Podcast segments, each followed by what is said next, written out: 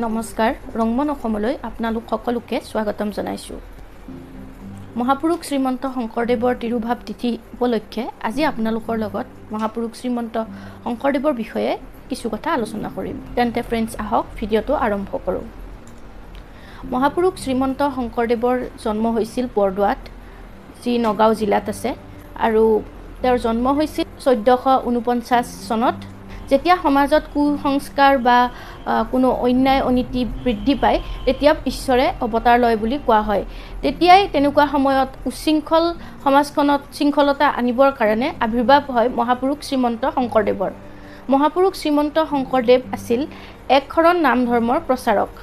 সেইখিনি সময়ত যিখিনি সময়ত শংকৰদেৱৰ জন্ম হৈছিল উচ্চ নিজ ধনী দুখীয়া বা ধৰ্মীয়ভাৱেও ভেদাভেদ এইবিলাক খুব বৃদ্ধি পাইছিল আৰু সমাজত অন্যায় অনীতি বৃদ্ধি পাইছিল।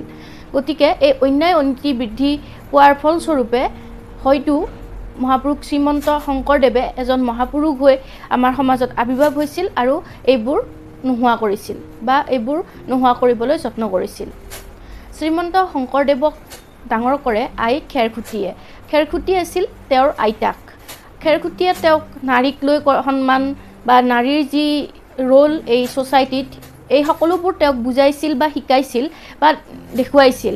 গতিকে শংকৰদেৱে নাৰীক লৈ সেইখিনি সেইখিনি সময়ৰ সমাজখনত নাৰীৰ কেনেকুৱা ছ'চিয়েল ভূমিকা হয় বা নাৰীক কেনেকৈ সন্মান কৰিব লাগে এনেকুৱা কিছুমান কথাৰ ওপৰত তেওঁ গুৰুত্ব আৰোপ কৰিছিল। আৰু সেইবাবে তেওঁ যিবোৰ সাহিত্যিক কাম আছে সেই কামবোৰত বিভিন্ন নাটক যি তেওঁ লিখে বা কাব্য লেখে তাতে নাৰী চৰিত্ৰ উল্লেখ থাকিবই আৰু তাত নাৰীক খুব সন্মানীয় ব্যক্তি হিচাপে দেখুওৱা যায়। লগতে সামাজিক দিশতো নাৰীক দেখুওৱা যায়।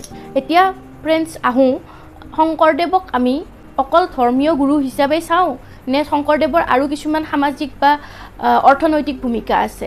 সেইখিনি সময়ত সমাজত যি অৰ্থনৈতিক ভেদাভেদ ঘটিছিল সেইবাবে শংকৰদেৱে কিছুমান কাম কৰিছিল। তেওঁ সত্ৰ নামঘৰ এনেকুৱা কিছুমান ইনষ্টিটিউশ্যনৰ এৰেঞ্জ কৰিছিল যাতে এই সত্ৰ বা যি নামঘৰত আছে সকলোবোৰ মিলি জুলি হৰিৰ নাম ল'ব পাৰে।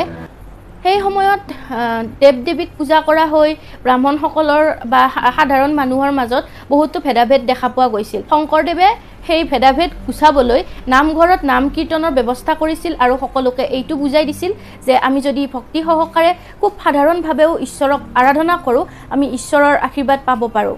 আৰু এনেকৈয়ে তেওঁ এক শৰণ নাম ধৰ্ম প্ৰচাৰ কৰিছিল।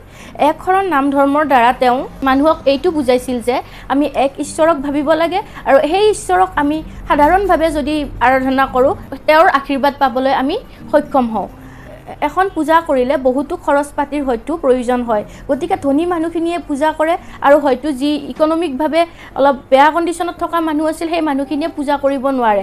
গতিকে এই হীনমান্যতাত ভোগা মানুহবিলাকক সেই হীনমান্যতা দূৰ কৰিবলৈ তেওঁ নামঘৰত এক শৰণ নাম ধৰ্ম প্ৰচাৰ কৰিছিল। সাধাৰণ বুট মুখ বা ফল ফুল যি আছে সেয়াই দি ভাগৱত পাঠ কৰি বা নানান ঈশ্বৰৰ কথা কৈ তেওঁ এক শৰণ নাম ধৰ্মৰ দ্বাৰাই এই মানুহখিনিক এইটো আশ্বাস দিছিল যে তেওঁলোকেও ঈশ্বৰক আৰাধনা কৰিব পাৰে। সঁচা পথত থাকিলে বা ধৰ্ম কৰিলে যে মানুহৰ জয় হ'ব সেই জয় পৰাজয়ৰ বিষয়ে তেওঁ বেছি গুৰুত্ব আৰোপ কৰিছিল যাতে সমাজৰ পৰা তেওঁ অন্যায় অনীতি আঁতৰ কৰিব পাৰে। তেওঁৰ লেখত ল'বলগীয়া কামসমূহ হৈছে কালিয়া দমন ৰুক্মিণী হৰণ কীৰ্তন ঘোষা পাৰিজাত হৰণ ইত্যাদি। আমাৰ সমা সমাজলৈ আন এক অৱদান তেওঁৰ হৈছে সত্ৰীয়া নৃত্য।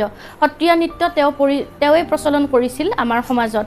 কোৱা হয় যে তেওঁ দুইশ চল্লিছটা বৰগীত লিখিছিল যি এতিয়া মাত্ৰ আছেগৈ ত্ৰিছটা এনেকুৱাকৈ তেওঁ সাহিত্যিক কৰ্মটো লিপ্ত হৈছিল আৰু সমাজখনক সাহিত্যিকভাৱেও আগবঢ়াই নিছিল।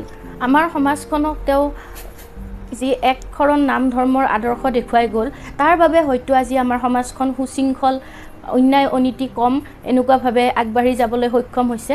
শংকৰদেৱৰ যি অৱদান আমাৰ সমাজখনলৈ আমাৰ জীৱনলৈ সেয়া সেয়া একোৰ লগতেই তুলনা নহয়।